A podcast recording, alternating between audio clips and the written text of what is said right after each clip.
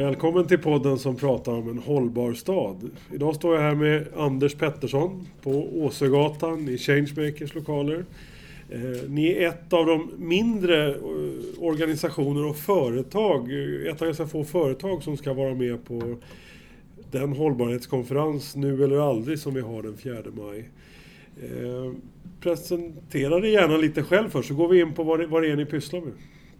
Okej, okay, ja, ja, Anders Pettersson heter jag och eh, jag kallas för eh, seniorkonsult, senior consultant. Eh, det det är steget innan man hamnar i graven, säger min syster. Du kan inte komma längre på, på en karriär eller vad det är för något. Äh, jag jobbar i Changemaker sedan några år tillbaka, men min stora bakgrund kommer från ideella sektorn i folkrörelser eh, som till exempel ABF eller, eller jag har varit rektor på folkhögskola och jobbat i facket. Och, så att jag har en gedigen bakgrund i eh, organisations-Sverige kan man säga. Annars är jag typ psykolog och journalist och diversarbetare och så. Ja. ja. Och en av anledningen till att, att eh, vi är nyfikna på att ha dig med och Changemaker med, det är att vi vet att du har ett ganska stort intresse för två saker som, som ligger tanken med både den här podden och vår konferens den 4 maj nära. Det är det vill säga dialogen som verktyg. Eh, men också bildning och hållbarhet utifrån det. Så det jag tänkte vi skulle försöka närma oss idag det är att ta avstamp i dialogen eh, men också se då till exempel bildning, eh, digitalisering och vägen till vad du kallar för ett hållbart samhälle. Mm. Det, mm. det, är ambitionen. Mm. Mm. Om det känns okej okay, så vi börjar ja. lite med bildning och, och, och vad, dels vad ni gör här på Changemaker och vad ni har för, för ambitioner och, och mm. varför ni väljer de vägar ni väljer. Mm.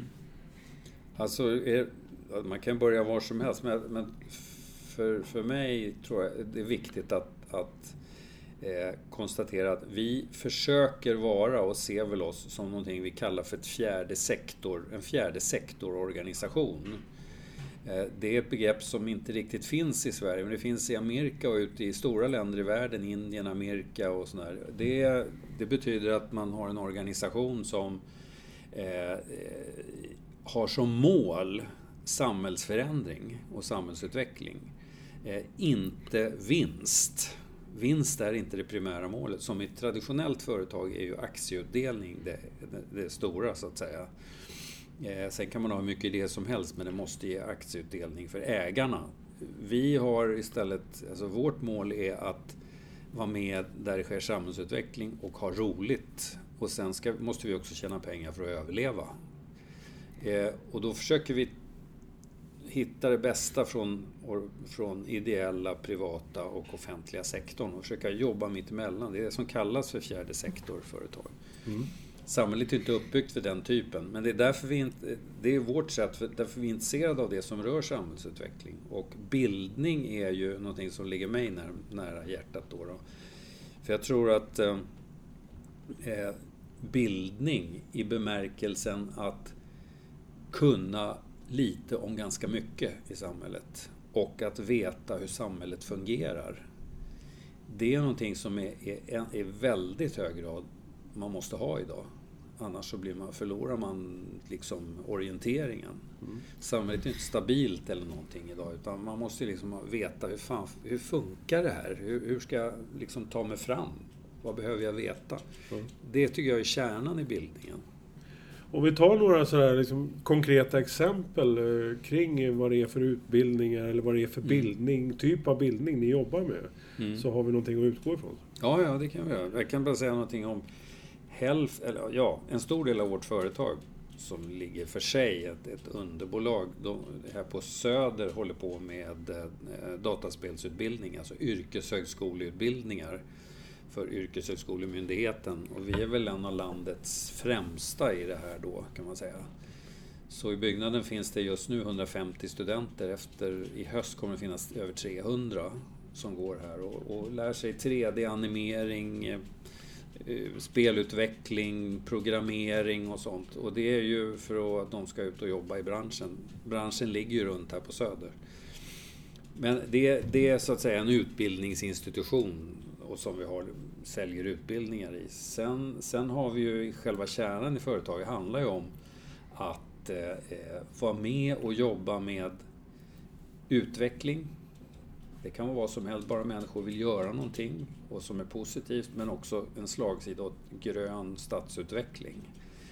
Och även att jobba med lärprocesser, alltså att hur säkrar man att ett lärande sker och att det blir, ger något resultat. För där vet jag att du har berättat, där vart jag väldigt nyfiken. Om vi tar lärprocesser, dels så jobbar ni ju eh, med folk som ligger i framkant så att säga. Om vi tar dataspelsutveckling, ja. mm. men även det vi kommer in på lite senare mm. kring foodmaking och så. Mm.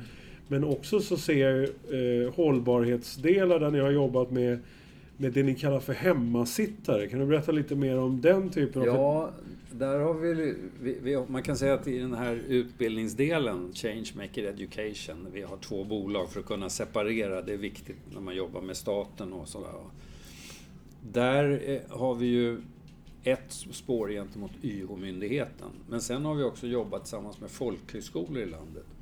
och då har vi bland annat tillsammans med Sunderbyns folkhögskola utvecklat ett koncept som heter Game Maker. Det innebär att vi med hjälp av dataspelande lockar in eh, hemmasittare, alltså sådana som har droppat ur skolan eh, och som inte har fullgjort skolbetygen. Som, som inte finns registrerade som arbetslösa? Nej, en, en, del sitter bara hemma och spelar och, och rör sig lite på stan. Föräldrarna är bekymrade och sådär. Och då har vi lyckats med dataspel locka in dem i en slags studiemotiverande upplägg.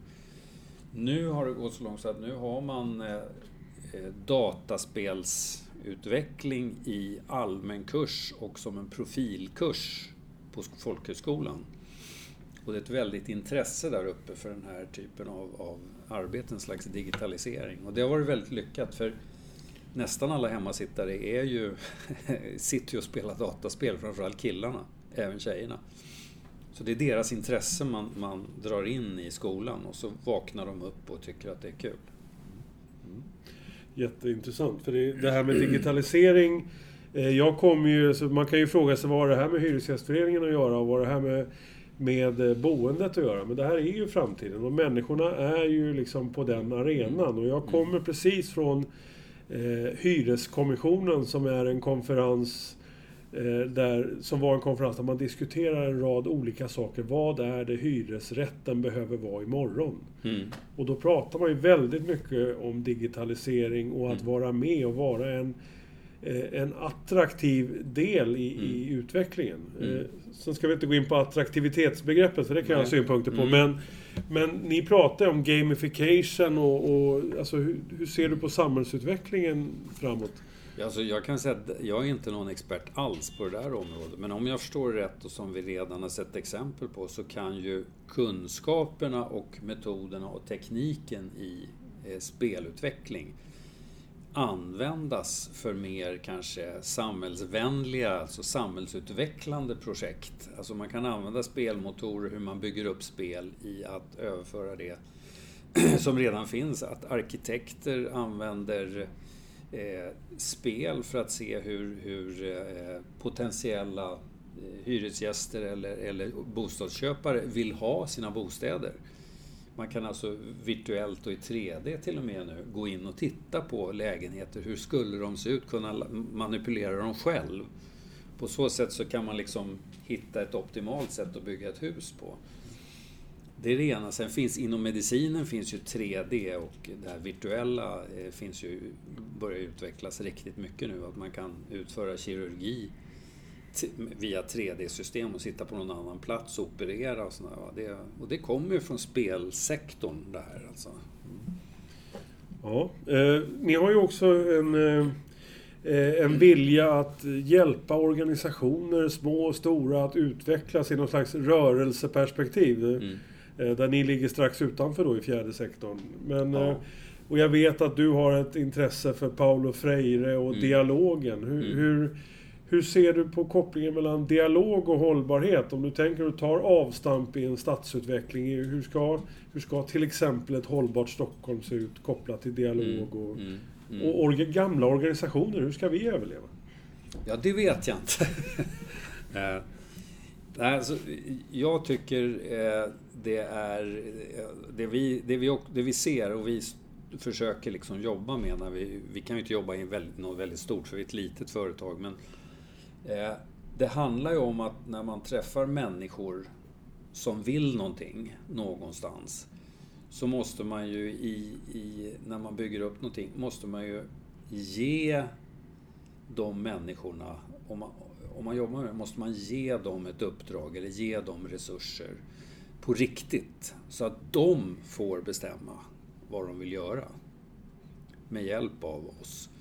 Men det handlar ju också om att, att man, när man ger människor resurser för att verk, testa idéer och sånt där, då måste de också leverera någonting. De kan inte bara slöa och inte, och inte göra någonting, utan man, man ställer ju krav samtidigt. Men, och det här försöker vi göra i liten skala, att vara... När vi jobbar med mindre projekt och utbildningar så försöker vi hela tiden eh, eh, vara... Alltså att man gör hanterbara projekt. Eh, som kan ge resultat och som man kan värdera för att sen gå vidare med. Så vi försöker hela tiden ge mandatet och ge resurserna för att sen följa människor och göra saker och sen värdera resultatet. Aldrig släppa taget, men, men det handlar inte om att styra projekt, det handlar om att få människor att själv gå igång. Mm. Lite så är modellen i liten skala. Ja, och det är där Freire och dialogen går. Du måste ja. våga släppa taget. Ja. Eh, du har inte facit själv. När... Nej. Om du, eftersom det är ojämlikt hela tiden, att, att om, vi, om vi har pengarna och går in så är, är vi överläge. Och då måste vi ställa oss i samma, på samma nivå i dialogen. Men, eh, ut, men samtidigt vet vi att vi är överlägna. Vi måste släppa det och låta de andra få resurserna. Och våga låta dem. Men som sagt samtidigt kräva, om ni nu säger att ni vill göra någonting, då måste ni fan testa det också. Mm. Och leverera ett resultat, eller ett misslyckande, någonting i alla fall. Du jobbade ju lite med det där för Changemaker när vi höll på i Hyresgästföreningen med framtidsprogrammet. Eh, mm, på, på uppdrag av Framtidsbyrån så gjorde du ett arbete med ungdomar i Göteborg ja. Eh, som blev Community Reporters. Ja. Eh, vad tar du med dig från det arbetet framåt? Eh, jag tar med mig från det arbetet att, att det var faktiskt så att Hyresgästföreningen nu i Göteborg råkar ha faktiskt lät de här ungdomarna göra det vi höll på med. Alltså de fick ett klart mandat. De gjorde ju till och med en film som visades vid sidan av kongressen där förra ja, året. Vår riksstämma där. Riksstämma, ja. Så att det, eh, man upptäcker då att när man väl får bra vägledning, kanske lite utbildning och sen får möjligheten och tiden så skapar människor väldigt bra saker. Mm. Men man måste våga släppa taget och låta människor göra saker. Och då kommer det där som vi ser som, som vi har från kaospiloterna i den pedagogik som vi lånar mycket, det är att det är nästan så att det är viktigt att misslyckas för att lära sig något. Det är viktigt att misslyckas och analysera sina misstag för att veta hur man ska göra nästa gång. Skulle du säga att, att det är en, en, en av de av hållbarhetsfaktorerna i lärprocesserna, att våga misslyckas? Ja, en nödvändig ingrediens och den, den, är, den ska vara fullt tillåten. På villkor att den som misslyckas också är beredd att granska sitt misslyckande och analysera och dra slutsatser. Om du bara liksom bryter ihop och inte gör någonting, då är det inte acceptabelt med misslyckande, utan då lär man sig ingenting. Mm. Mm. Ja, om vi går vidare och tittar lite på, på den här, det här med grön urban utveckling. För där, är ni också, där ligger ni mm, också mm. ganska långt fram. Mm. Eh, och jobbar mycket i Göteborg. Ja, framförallt i Göteborg. Där har vi varit med i flera projekt i stadsutveckling. Och, och, men vi har, vi har utvecklat en vad ska man säga, utbildningskoncept, eller vad man ska kalla det för, som vi har jobbat med, som vi jobbar med flera folkhögskolor och, och har jobbat med folkhögskolor, som heter Foodmaker. Det är inte att laga mat, utan det handlar om att lära sig få en helhet kring urban matförsörjning och framförallt med inriktning på lokal och småskalig och se hur, hur kan det tillföra något till storstan? För vi vet ju vi vet ju från, från regeringens eh, förarbete till den här livsmedelsstrategin som kom förra året i höstas. Så trodde man ju att man hade eh, i alla fall 50 procents självförsörjningsgrad när det gäller mat i Sverige. Det visar sig att vi har noll. Eh, det räcker med två, tre veckor så svälter man i storstäderna om, om det blir en blockad av mattillförseln. Vi importerar nästan allt vi har. Och då fick man kalla fötter, så nu har vi en livsmedelsstrategi som ska försöka gynna att vi bygger upp ett eg, en egen försörjning.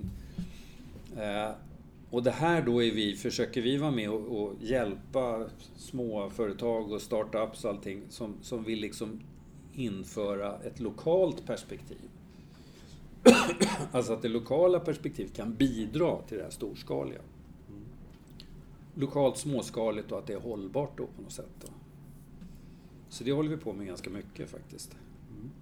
Avslutningsvis då, om du tänker en konferens den 4 maj, den här podcasten, eh, samarbete mellan Hyresgästföreningen och Svenska kyrkan. Eh, på mm. vilket sätt ser du att Changemaker utifrån det vi har pratat om, eh, dialog, lärprocesser, digitalisering, vilken roll hoppas du att ni spelar rent eh, ämnesmässigt, pedagogiskt och så vidare?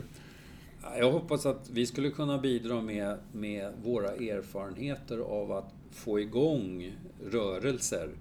Alltså inte få igång stora rörelser, men, men hjälpa, få igång små rörelser där man vågar testa idéer och få ett resultat som man kan gå vidare med. Och jobba lokalt utvecklande. Det är en del som jag tror. Men sen också vår, vår, vår syn på lärprocesser och dialoger som vi har, har modeller för. Som bygger på Freire, på kaospiloterna. Tror jag också att vi vi har mycket att tillföra när man genomför saker för att man ska säkra lärande, men också att det blir ett resultat mm. av det man håller För kaospiloterna, för lyssnarna, det är, det är en processutbildning från... Entreprenörs... Från... Eh, treårig högskoleentreprenörsutbildning i Århus. Mm. Där man, eh, som har en väldigt utpräglad process av att alltså att du lär dig, för att vara kärnan, du lär dig göra affärer och starta projekt, men du lär dig att hitta din roll i världen och veta vad du vill. Alltså, du går din väg och du är jäkligt duktig på att starta grejer och få dem i hamn. Alltså och det, det passar ju rätt bra med nu eller aldrig. För att det är det något vi har bestämt med den här podden och med konferensen eh, den bostadspolitiska kongressen mm. med det temat vi ska ha 4 mm. maj, det är ju att vi tänker inte prata framtid, för det är för sent. Och, mm. och där känner jag att där ligger ju att starta nu. Mm. Och det sociala entreprenörskapet. Mm. Tack för att du ville vara med. Tack.